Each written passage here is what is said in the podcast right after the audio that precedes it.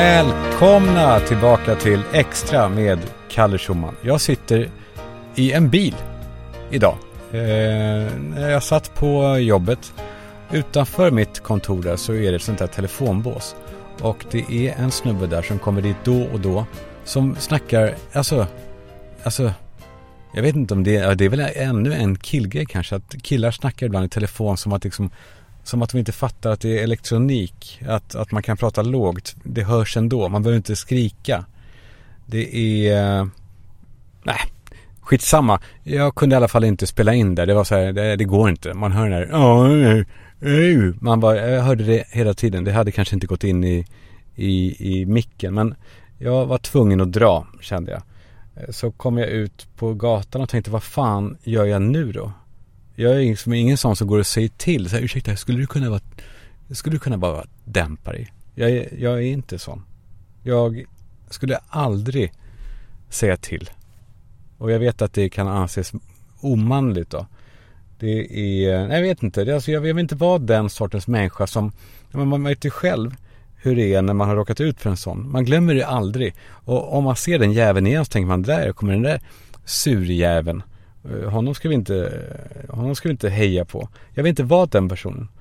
Samma sak på restaurang för mig. Jag har aldrig någonsin skickat tillbaka maten. Det skulle aldrig ske. Alltså, det hade kunnat vara en spya på tallriken. Och servitören så här frågar liksom, hur smakar det? Då säger jag super. Det var jättebra, tack. Och så han, han kanske inte är nöjd. Han frågar sig, är du inte hungrig kanske? Jag säger, jo, jo, jo, eh, det var bara jag kom på att jag hade precis ätit. Men det var verkligen jättegott här. Jag, eh, jag, jag lovar. Och servitören som kanske, han kanske vet att det är en spya. För det, det är kanske han som har lagt den där. Han frågar igen så här, är, är du säker? Eh, du kanske vill ha en annan rätt? Och jag blir då, ja men då blir jag så här, nej men det här var, det var supergott. Jag, alltså jag lovar, det här var otroligt gott. Och eh, hälsa kocken. Och sen så dricksar jag honom tillbaka till stenåldern för att han verkligen ska tro mig. När jag säger att det här var så jävla gott. Och, eh, ja, och Sandra då som, jag har ju suttit och beklagat mig under hela måltiden över att, över att det smakar spya om den här spyan. Och hon tittar på mig med en sån här blick som är liksom eh, det ömkliga. Även som eh, Baloo tittar på Mowgli när han har försökt slåss. Jag kan... Han bara störtlöjligt. Eller vad, eller vad han säger. Men vad fan, för mig är det värt det. Allt är värt det. Jag vill inte skicka ut maten. Jag vill inte göra någon besviken. Ja, men hur som helst. Jag gick ut på stan. Och så tänkte jag, vad fan eh, ska jag då spela in då? Hemma? Nej. Det går inte. Jag, alltså, jag kan inte vara i samma, eh, jag vet inte fan. Jag kan inte vara i samma lägenhet och veta att jag måste hålla ner, hålla ner rösten och jag får inte skrika. För ibland så händer det att jag skriker som jag klipper bort när jag, när jag hör mig själv. Och så lyssnar jag på det och så bara, då, då skriker jag. Ni vet hur det är när man hör sig själv. Eh, då, det låter inte bra det låter inte fint. Så när man skickar så röstmeddelanden till någon på WhatsApp och så hör man ja, ja, ja, ja. Man är så här inställsam och jävlig. Ja, ja, ja, Nej, jag måste då vara helt själv. För det är väl bara när man är helt själv som man är helt uppriktig va? I tankarna. Alltså det är då man är helt ren. Så fort det är någon med, är det inte så? Så förändrar man till och med sitt sätt att tänka jag gör det i alla fall. Alltså var är man då helt själv? På toaletten, men det är ju inte, nej men det är dåligt ljud då, burkigt och jävligt och så kan man ju inte heller, nej men man kan ju inte berätta, här sitter jag på toaletten. nej, då måste man vara, vara hemlig med var man är någonstans. Och det, det är inte fräscht. Så tänkte, tänkte jag då, bastu är en sån plats där man ändå är rätt ren i tanken, där man är Ja man säger det ändå. In, in sauna veritas. Det sa pappa alltid att i bastun råder sanningen. Men så tänker jag vidare på det. Nej, jag vet inte hur det går med tekniken heller. Men, men det är inte så fräscht. Det är inte så mysigt för någon att lyssna på någon som sitter i en bastu bara. Det låter ju så här. Eller även det låter någonting helt annat. Det är inte så att man sitter och onanerar i bastun nödvändigtvis. Men det är ingen härlig bild att ha framför sig någon som sitter naken i en bastu. Och så kommer jag på det såklart. När jag sitter här, jag, i en bil. Bilen är ju perfekt. Det är otroligt härligt ljud. Man tar sig vart man vill till vackra platser. Man kan sitta och titta på människorna här på Djurgården som går sin kvällspromenad. Hand i hand. Och det är, det är någonting jävligt härligt med att sitta i en bil. Jag har ju ingen bil dock. Jag brukar låna brorsans då och då. Men ingenting får en ju att känna sig så lillebrorsig som så här, får jag låna den här bilen? Och så bara, när får jag tillbaks den då? Alltså, ska man komma och hålla på och vara, vara liksom tacksam och, och så. Och så tänker man, ska man då hyra bil? Men det har de ju inte gjort särskilt lätt alltså. Ska man då ta sig till någon biluthyrare och deras märkliga jävla kontor. Alltså de här kontoren, vad är grejen med biluthyrningskontor? Varför måste de vara så otroligt stela? Det är som att det är, jag vet inte, stämningen är 1974 på något sätt. Det är inte en enda onödig detalj där inne. Det är en dörr som man går in i och det är en stark färg där inne. Och så är det en disk och musik är jätteförbjudet. Och så är det ett skåp med nycklar i som de måste gå till varje gång de ska hämta en bilnyckel. Kan de inte ha en, kan de inte ha en jävla låda på bordet bara? Mellan sig. För att så är det också, det sitter alltid två stycken då. Eller kanske tre, men två ofta va? På, bakom den här disken. Och de har obekväma skjortor. Alltså vita, inte bekväma. Och så har de pull, pullover. Över, pullover. En, eh, med en, med en eh, namnskylt där det står Stefan. Eller, eh, eller Rickard. Jag tror inte att de heter det. Jag, fan, jag undrar hur många procent av namnskyltarna som är fake. Eh, det får ni gärna höra av er om, om ni har, om ni har eh, data på det. Men vad är grejen? Fan, vad intressant den Den här estetiken, den är också den är ju global. Det ser ju likadant ut på varenda biluthyrare i hela världen. Lika jävla sparsmakat. När, när koms det överens om att hyra bil, det ska vara otroligt trist. Det ska vara som att växla pengar. Fast här får man ändå låna en bil liksom. Det borde ju vara någonting härligt. Det var i alla fall uteslutet att gå till en av de där. För att det blir en så stor apparat av det. Det håller på och man ska fylla i långa jävla papper och kopiera körkort. Och då kom jag på det. Eh, att det finns ju något som heter IMO. Och jag vet, nu låter det här som en reklam. Men det får det väl göra då. Ja, det kanske kan bli det då. Eh, om, det vore väl ändå jävla härligt. Att jag sitter här eh, och helt organiskt har faktiskt tagit en AIMO och så kanske vi kan utveckla det här till, en, till ett riktigt samarbete. För jag, bara, jag vill bara, jag vill, men jag kan då ställa mig in då lite hos AIMO. Om ni hör, lyssnar på det här AIMO. Jag vet vad ni håller på med. Och nu ska jag berätta för er andra också. AIMO har alltså en massa elbilar, fräscha elbilar. Som man kan bara ta i stans bästa garage. Och man behöver ingen nyckel, man har en app. Och man hyr den hur länge eller hur kort man vill. Och när man ska lämna tillbaka den då bara parkerar man den i något garage. Inte ens samma garage, man får ta vilket som helst och så bara borta, klart. Jag behöver inte hålla på gå med en jävla nyckel till, till Stefan och Rickard på bakom den här disken. Jag kan bara Det är, det är så jäkla härligt. Hallå Aimo. Jag vet att alla sådana här stora bolag har sådana här omvärldsbevakning, all ears vad det heter. Där man, de får höra när man nämns någonstans. Så ni hör säkert det här ni på IMO. Låt oss styra upp något. Så eh, ja, då kör vi. Okej, okay, jag sitter alltså på Djurgården och ja, känner ni stämningen i bilen? Det är som att vi eh, satt hemma i soffan och så bara, ska vi inte bara, ska vi inte bara ta en bilpromenad? Och så gör vi det. Var ska vi åka? Jag vet inte. Vi sätter oss någonstans där det bara är, är härligt. För i bilen råder sanningen. Man behöver inte prata så högt i bilen. Man kan nästan höra vad man tänker. Känner ni det? Ser ni också ut vad fint det är i skymningen här? Jag... Eh, nej, fan jag kan inte hålla mig. Jag vill in på grejer killar gör. Jag är helt, jag är helt fast i det. Egentligen så skulle man ju vilja köra på grejer tjejer gör. Men, men vad fan, det blir ju bara skit. Och risken är, nej men risken är att man låter då som en gris om man gör det. För det är väl så tyvärr med snubbar, i min ålder i alla fall, att ja men vi föddes in i en tid som var en helt annan. Vi föddes in i böghögarna, alltså pissbombernas tid. Alltså när man fick lära sig att tjejer vill, killar kan, män gör. Det var väl någon, någon sån här ramsa, eller så har jag hittat på det själv om ni inte känner igen det. Det kan vara så.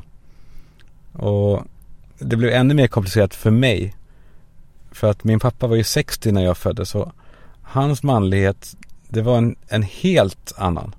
Alltså den var, den var, den var, han var så manlig att det liksom gick varvet runt. Att han blev typ mjuk igen. Han var så grundmurat manlig på ett helt annat sätt än ja, mina kompisars pappor som var födda liksom på 50 och eh, ibland typ 60-talet de, alltså de papporna, den generationen måste ju vara den olyckligaste generationen hittills.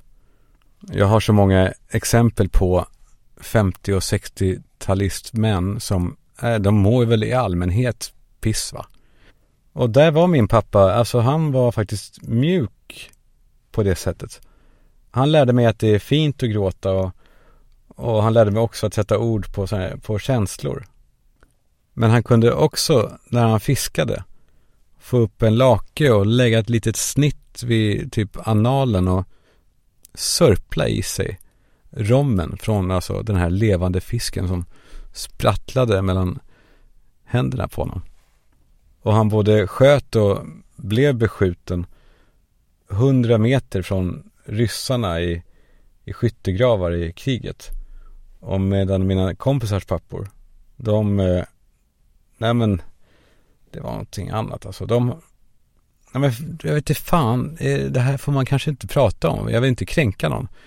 Men för den generationen så är ju Ja men typ psykisk ohälsa Det är ju tabu va, eller hur? Det är skamligt. Man går inte till någon psykolog och håller på och bögar sig eh, om man är född på 50-60-talet. Man eh, biter ihop. Eller hur? Jag har så många vänner vars pappor aldrig sa att de älskade dem. Nej, pappa, pappa lät mig förstå det på andra sätt, säger de. Alltså, stackarna, de tröstar sig ju.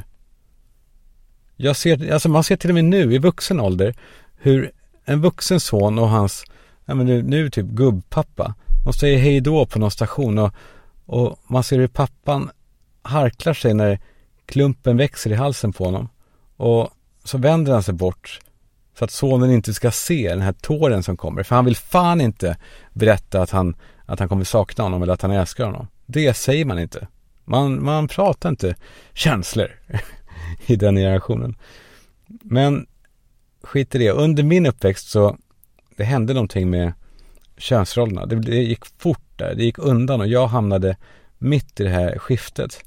Alltså det jag föddes in i och växte upp med, det var plötsligt eh, helt fel. Man skulle inte vara grabbig längre. Men det var fult att vara grabbig. Och, eh, och jag gjorde då mitt bästa under liksom hela mina tonår och in i vuxenlivet att förändra mig och försöka anpassa mig till det här nya. Men, men det är ändå liksom konstruerat. Jag erkänner det. Det är inte äkta. Det är inte grundmurat. Jag tänker på min kompis Pontus. Äh, Gårdinger. jag skämtar bara.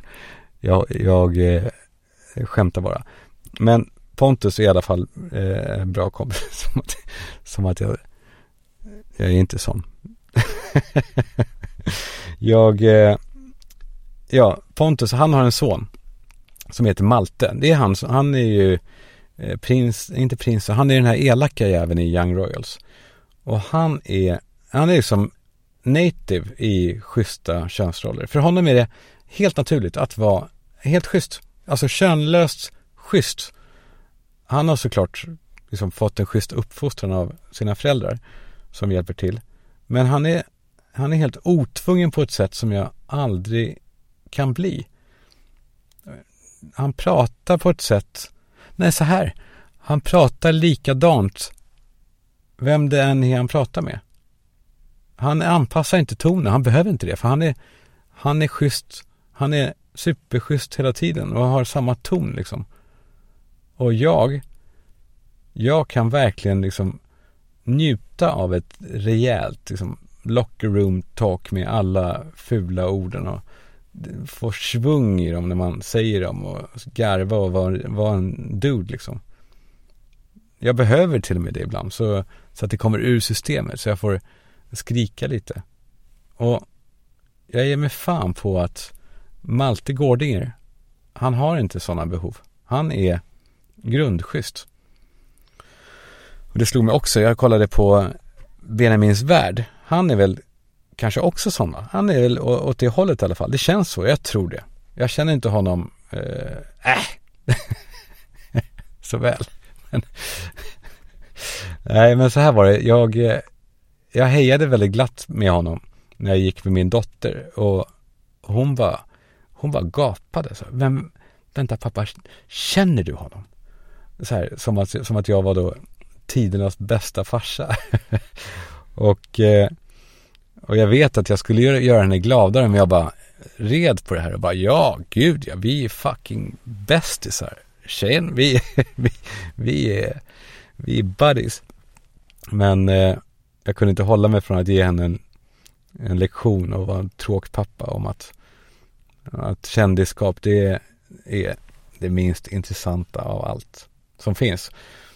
Och eh, det är bara små människor som är imponerade av andra saker än människors liksom, egenskaper. Och, eller eh, om de kanske har gjort någonting bra för mänskligheten och världen. Men, men eh, ja, jag trodde knappt på mig själv när jag sa det. Det är klart att man ibland tycker att det är ascoolt med kändisar. Men det är få nu när man blir äldre va.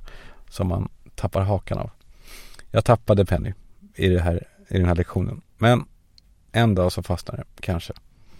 Hur som helst, Benjamin Ingrosso lagar mat i det här programmet och han bjuder in kända människor och är härlig. Han är ju, han är härlig. Fast man skulle vilja skrapa lite ändå på honom. Alltså gnaga bort den här yttersta ytan och, och liksom prata lite allvar också. Alltså bara få bort allt, allt som är så här härligt trevligt och se vad som finns. Det är väl lite grann samma sak med Ernst. Man vill se vad som finns där under. Uh, ja, ja. I det här, jo, i det här senaste avsnittet som gick, då blev det en grej av att eh, Petter Stordalen, han eh, hotellmannen och eh, Elephant som är en musiker, jag hade ingen riktig koll på henne. Ehm, hon heter Elephant, hon är en rappare va. De kom inte alls bra överens, ni kanske har sett det. Eh, men de är, så, de är så olika att det, att det blir, eh, ja men de gjorde en stor grej av det programmet och, och ja, lyssna på det här om ni inte har, eller lyssna på det ändå, gud, spola inte för fan. Är du fisk? Nej, jag är eh, skytte. Ja, du är skytte? Sagittarius, ja. Jag tror ju inte på stjärntecken, inte alls. Det är väldigt typiskt skytte att inte göra det. Vet du vilken tid på dygnet du född? Varför ska jag bry mig om när på dygnet? Varför ska man bry sig? Ja, men, Ja, men precis. det, det, det, det, Men det är väldigt typiskt skytte. Bara hotellbolaget förlorade ju sån cash burn. Alltså jag tappade 300 miljoner ish i cash varje månad. I 18 månader. Men jag tror en av de fetaste grejerna med hela pandemin var... Det var ingenting som var fett med pandemin. Jo, vet du vad det var? Det- det var- men kan vi snälla, inte- kan vi snälla ta upp en sak var som... Jo, jag tycker det var som var fantastiskt med pandemin var att vi alla satt i samma sits. För första gången. Det var en så otroligt stor upplevelse att dela sitt issue med hela världen. Att alla satt Alltså, i du- samma sits. Alltså, han förlorade 300 miljoner i månaden och eh, vissa kunde gå till jobb. All, alla satt i samma sits. Många företagare hade det jävligt svårt alltså. Mycket svårare än många andra. Ja, men då kunde de ändå relatera till dem i Italien eller de i Spanien. Alltså förstår du vad jag menar? Det var en ganska symbolisk situation att vi alla var ensamma tillsammans. Men ensamhet är inte bra. Nej. Jag tror det är väldigt farligt. Men vi alla människor är också ensamma. Vi föds på Nej. något sätt ensamma och vi dör ensamma. Och du bär dig själv på din rygg och du har inte mycket mer än dig själv i Jo. slutändan. Nej men det är, jag tycker så. Ja, ni hör. alltså det är ju väldigt lätt att liksom bara dumförklara elephant. Det är ju öppet mål, stjärntecken och grunda analyser och ja, det är liksom, det är så lätt att bara avfärda. Det är liksom allt för lätt. Det är så lätt att man blir nästan misstänksam. Alltså ingenting får vara så här överserverat. För jag blir fan lite rädd då. Jag tänker att det är en, det är en fälla det här. Det är någonting jag inte förstår. Men så slår det mig att det är precis samma sak med Elephant som det jag var inne på förra veckan. Alltså, Elephant är ju en man. Det är ju så jäkla tydligt. Och ingenting provocerar ju oss män som kvinnor som beter sig som män. För det är precis det hon gör, om man då bortser från själva ämnet. För det är väl ingen man som tror på stjärntecken. Jag har aldrig någonsin hört om en, en, en kille som har frågat någon annan vad de är för stjärntecken. Eh, men Elephant visar ju här de fyra kanske manligaste dragen som finns. Alltså hon är självsäker, övertygad, okunnig och oblyg. Är inte det jävligt intressant? Jag tycker det. Jag tycker sådana här, såna här killgrejer är intressanta. Jag har fått in massor av grejer killar gör. Den här är härlig. Eh, det är någon som skriver då. Killar säger korrelation är inte lika med kausalitet. säger de. Istället för att säga att det är inte säkert att de här två sakerna hänger ihop. Jävligt fiffigt sätt av killar att eh, liksom påskina att, eh, att de är akademiskt bevandrade och att de kan svåra ord och, och teorier. Det här jävla snacket, någon gång kan vi inte göra det när ni hör någon säga det. Fråga så här, kan du berätta exakt vad du menar nu? Kan du förklara exakt vad du menar med eh, de här orden, kausalitet och korrelation? För jag kan ge mig fan på att de inte, jag tror inte ens de vet vad de pratar om. Killar får också en särskild blick just innan de ska borra i en vägg. Jag vet det för jag gjorde det själv igår. Och det var då det slog mig. Eh, Ja, man knackar lite i den här väggen för att se vad det är man har att jobba med. Men man tittar inte på väggen man knackar på, man tittar liksom uppåt. Som att det är liksom själva känseln i knacket som avgör vad det är. Det är som att ljudet inte spelar någon roll. Och så knackar de en gång till. Och kanske typ, de blundar då, eller kisar kanske. Och är så här, mm. Och där gör de sin, eller jag gjorde då, min matematik i, i huvudet och, och, och så börjar man dona med borren, sätter i sina bits. Och så provborrar man ett par gånger i luften, som killar gör. Innan man driver in den, borren, i den i den fula lilla pricken av tusch som man har ritat där på väggen. Ja, där har vi en grej killar gör. Vad har vi mer? Jo, det är två som har skickat in en liknande grej som killar gör. Killar, det här är lite känsligt kanske. Eh, killar fejkskrattar hemma i soffan åt mediokra instaklipp som deras sambo har skickat på DM Trots att de har sett skiten för två veckor sedan. Det här är jag, det här är då, det här är inte jag som säger det här. Utan det här har kommit på DM bara. Ja, trots att de redan har sett skiten för två veckor sedan. Och man skickar sen tillbaka någonting som faktiskt är kul och nytt och originellt. Och man får noll respons. Det står liksom visat. Och man kanske till och med frågar sen. Såg du? Eh, och, och hon bara, eh, vad? Ja men eh, såg du det jag skickade? Såg du det med Biden? Och de bara, ja. Och så blir det helt tyst. Den här oh, osäkerheten. Man, man vet att det var någonting riktigt bra. Men, nej men det är så att vara kille. Man, eller jag då. Man, jag vill bli bekräftad. Men inte liksom i allmänhet heller. Det, alltså det är så jävla avgörande varifrån bekräftelsen kommer, eller hur? Ibland så kan man ju få bekräftelse från helt fel person. Alltså någon typ så här, uppenbar rasist säger att ja, bra Schulman när jag, när jag lyfter den här Sveriges Radio-klippet när de läser nyheterna på och bryter så mycket på något annat språk att man faktiskt inte fattar. Bra Schulman! Bra att du lyfter det här! jag, jag menar inte något sånt. Det blir, det är lite som den här scenen i fucking Åmål. När grabbarna sitter på skåpen och, och de kollar när Agnes kommer för de har satt upp någon porrbild på hennes skåp. Och så ska de se hur hon reagerar. Och så kommer hon i rullstolen efteråt och hon vill hålla med killarna men de vill inte ha hennes stöd. Fan, här, vi lyssnar på den här. Vad tycker du? Är hon snygg eller? Sådär. Ganska. Snygga bröst. Fittan då? Vad tycker du om fittan? Ja, hon är helt störd. Hon lade hand på mitt lår och, så här, och började smeka mig så här. Ja, och? Bra bild ni satte upp. Du är fan idiot. Ja. Är det här en av de starkaste scenerna typ någonsin i en svensk film? Jag tror fan det. Vad, vad känner man? Liksom, vad, vem är värst här? Det är väl hon i rullstol? Eller hur? Alltså sådana här medlöparjävlar, det är de värsta av alla. Och hon blir på något sätt liksom ännu värre eftersom hon sitter i rullstol. För visst är det väl så att man, man tror gärna att de som sitter i rullstol, de är, de är snälla och oförargliga.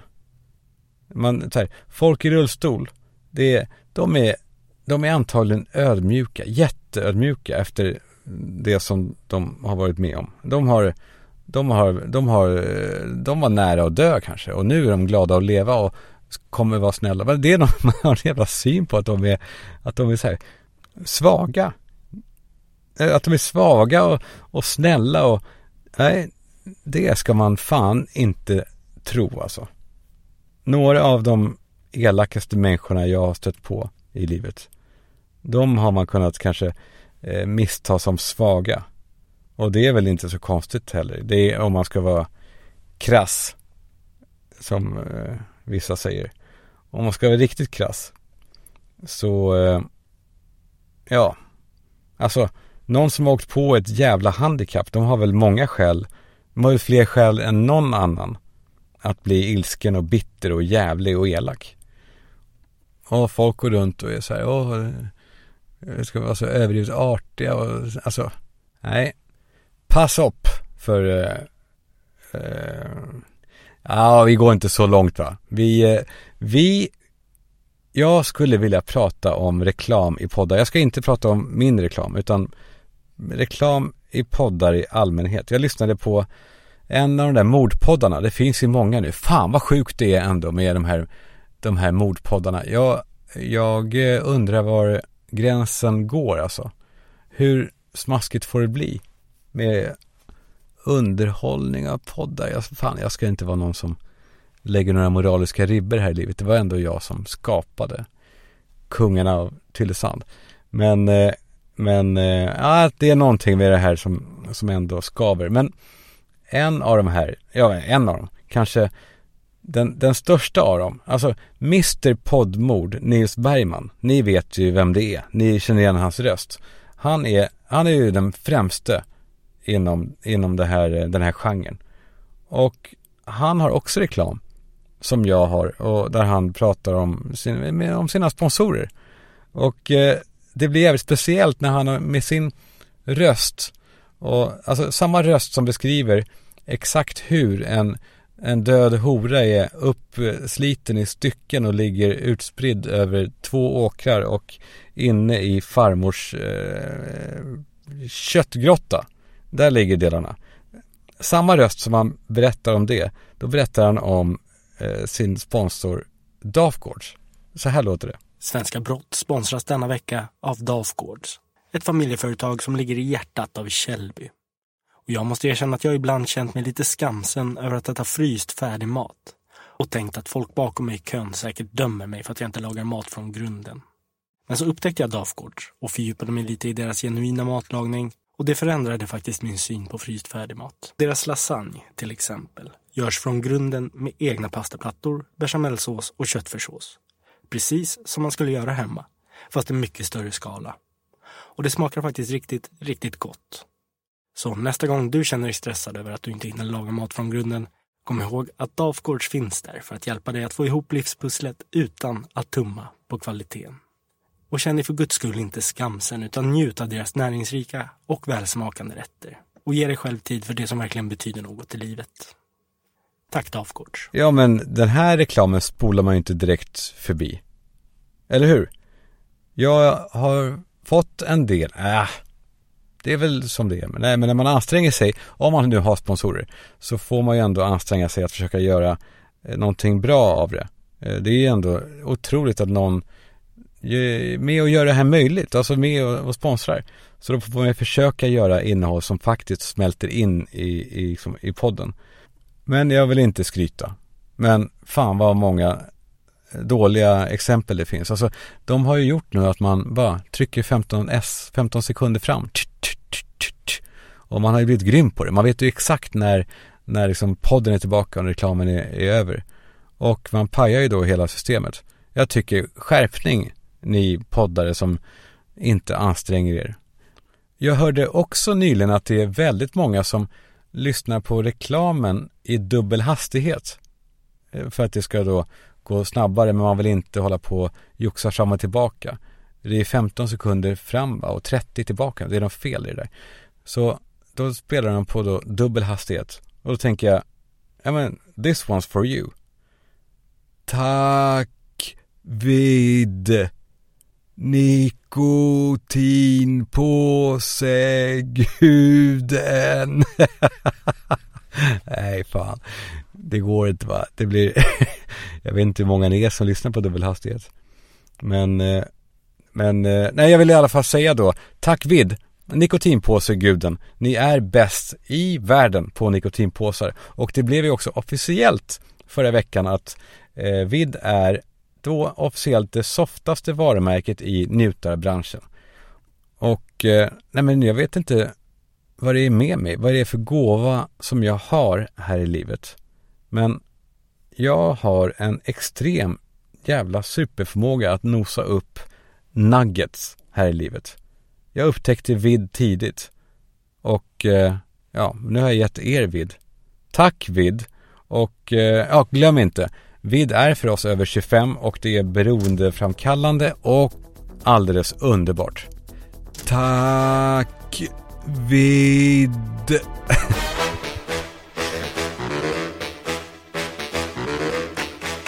och tack bokadirekt.se. På söndag är det mors dag och eh, jag kan lova er att få saker skulle glädja lilla mamma mer än ett presentkort på bokadirekt.se. Vet ni varför jag kan lova det? Jo, för min mamma fick aldrig det av oss barn och hon är död nu. Det är inget hot eller så. Jag säger inte att det kommer hända alla. Och jag vill inte vara någon dyster fågel. Men gör inte mitt misstag. Visa lilla mamma att ni bryr er. Eller visa mamman till era barn. Eller om du själv är mamma. Så visa dig själv att du bryr dig innan det är för sent. Visa det på bokadirekt.se. Ja, det här var vad jag tänkte säga som spons idag till Boka Direkt. Jag mejlade den här texten till Fricke på Boka Direkt och han sa att det låter nästan lite hotfullt. Boka Direkt är skönhetens och hälsans mamma på nätet. Alltså, grattis Boka Direkt på dagen! Jag eh, vill, Eh, vad ska man säga, en, sån här, en rättelse. Ska jag, jag vill införa en rättelse i, i dagens extra. Jag vet inte om ni minns det, jag pratade här om veckan om en tandläkare jag var hos när jag var i, eh, någonstans i början av 20-årsåldern. Det var en tandläkare som var, eh, ja, hon var väl kanske lite läcker då, men framförallt så höll hon på med sina tuttar hela tiden, tyckte jag. Jag kände det som att hon hela tiden satte sina bröst på mig, För öronen, på nacken och på kinderna och på, på mitt bröst och, och eh, men hon var tuttig. Jättetuttig var hon. Och jag kan inte säga att jag hatar henne. Nej, det eh, gjorde jag inte. Jag vet inte. Jag tyckte också liksom att hennes ansikte var väldigt nära mitt också. Att jag hörde hennes andning och så. Och eh, men jag har ju alltid haft tandläkarskräck.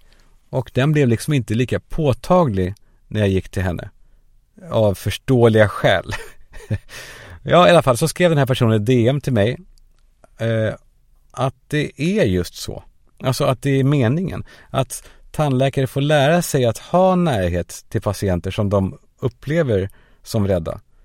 Och sen att jag då kanske övertolkade och överdrev det. Kanske då, men eh, fan jag minns det ändå så. Men jag kanske överdriver då. Och det låter ändå rimligt nu när jag tänker på det. Hon var alltså, hon var ju bara schysst. Hon var en supertandläkare och så, ja, typiskt ändå. Typiskt nutiden att hålla på och beklaga sig och påstå att man är så här utsatt och traumatiserad och boohoo böla om det i en podd. Nej, jag ville införa det här, den här rättelsen. Tack tandläkarinna för det. Eh, jo, jag höll på att rota lite grann i gamla myter när jag ändå har det här. När vi ändå sitter här i bilen och myser. Ni och jag. Nu är det nästan mörkt. Eh, gamla myter. Killar älskar ju amazing facts. Sen stämmer de kanske inte jätteofta killars amazing facts. Men jag bad dem eh, eh om så många sådana här facts som möjligt på, på Instagram. Och eh, fan vad det sprutade in alltså. Till exempel att, ja men det var den jag sa då när jag efterlyste det. Att man blir steril i tio minuter om man röker på filtret. Och eh, det finns också andra just det här med rökning. Att, att man ska blåsa på filtret lite hårt för att då ska man tydligen få bort glasfiber innan man tänder, att det är något gift i det. Och att det är krossat glas i, i snus sades det ju väldigt mycket. Det kanske sägs fortfarande. Och eh, sen finns det här klassiker. Att man, man ska inte titta i kors för att ögonen kan fastna på det sättet. Och Eh, knäck inte med fingrarna hörru ungjävel. Man, man får artros om man gör det. Och eh, det är kräkmedel i spriten. Och att telefonerna lyssnar av en. Jag vet inte hörni, är det verkligen så? Alltså det har aldrig hänt mig det här att oh, jag, jag pratar om blöjor och nu får jag reklam. är det verkligen så? Kan någon med handen på hjärtat säga att det, alltså att det inte, alltså, jag kör, jag vet inte fan, jag tror inte, jag tror inte på det. Eller okej, okay, det har i alla fall, det har aldrig hänt mig. Inte, jag har aldrig varit i närheten. Jag har inte fått en enda annons och, och fått en gåshud. Och eh, vad sägs det mer? Ja just det, ja, man använder bara 10% av hjärnan, säger de. Och, eh, man får extra julklappar om man rör pappas snopp en massa gånger fram och tillbaka och sånt. Myt. Att, eh, ja om att man har, just det, att man har köttätande bakterier i magen som bara väntar på att man ska dö. För i samma ögonblick som man dör, då börjar de äta. Det är då man nedbrytningsprocessen börjar. Alltså de här likmaskarna. Likmaskarna finns alltså eh, det finns små ägg av dem redan, redan i en redan nu, sägs det. Ja, ja, det sägs så. Det sägs att det, det är 90% saliv i sista klunken i en burk. Och eh, vad är det mer? Jo, om man sprutar senap i röven på en katt så springer de tills de dör. Den, den, fan man har ändå lekt med tanken va? Det har man. Att man skulle vilja testa. Men jag påminns om, vad fan hette det, fågelfyrverkeri? Det var, det var något ord för det. Jag jobbade på en fiskebåt när jag bodde på västkusten i, i Bua. Och eh, vi trålade torsk vi på våran båt. Den hette VG 104, en blå fiskebåt. Och så kom det, det kom en del annat också i den här trålen. En gång så, jag var inte med då, då fick de en fot med en sko på som var avskuren. Hur som helst, eh, fiskegubbarna, de berättade, som en kul grej. att ja, de hatar ju fiskmåsar, de här fiskegubbarna. Och eh, då berättade de att som en rolig grej, då kunde de då ta en fiskmås som hade trasslat in sig i nätet där ute på båten. Och så stoppade de upp en, en lång pinne upp i röven och så upp, så gick upp i halsen. Och så släppte de den. Och då flög den iväg. Rakt upp. Och den kunde inte svänga. Så att den bara flög och flög och flög rakt upp tills man inte kunde se den längre. Alltså till, jag vet inte hur högt de kommer. Till, nej men jag vet inte, till rymden typ.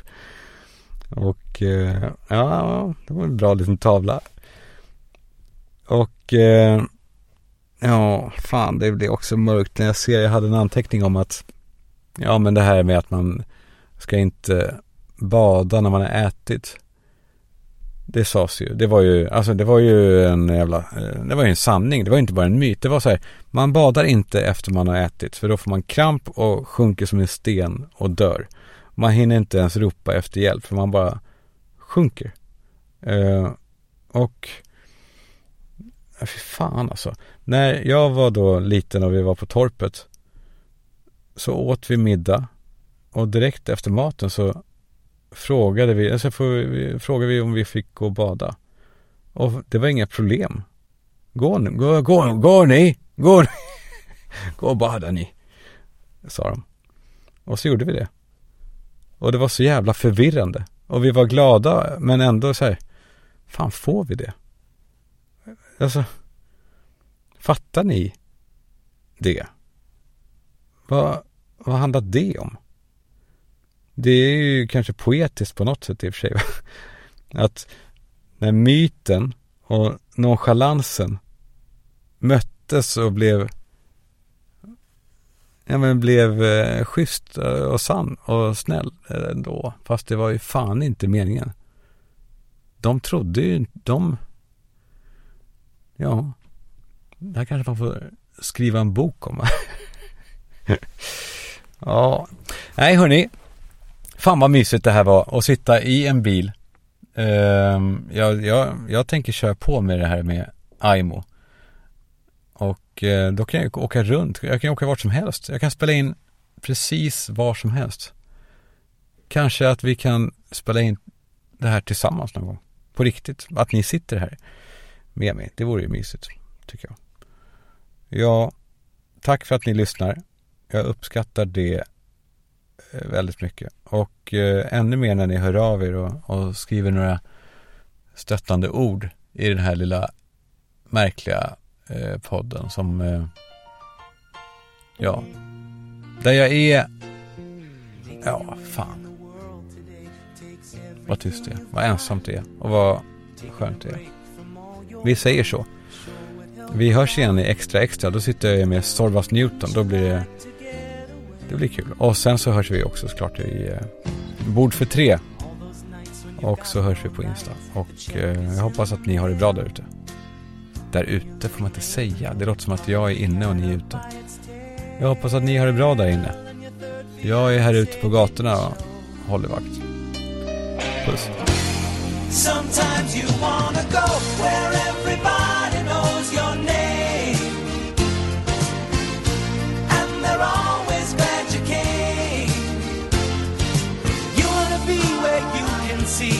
Troubles are all the same. You wanna be where everybody knows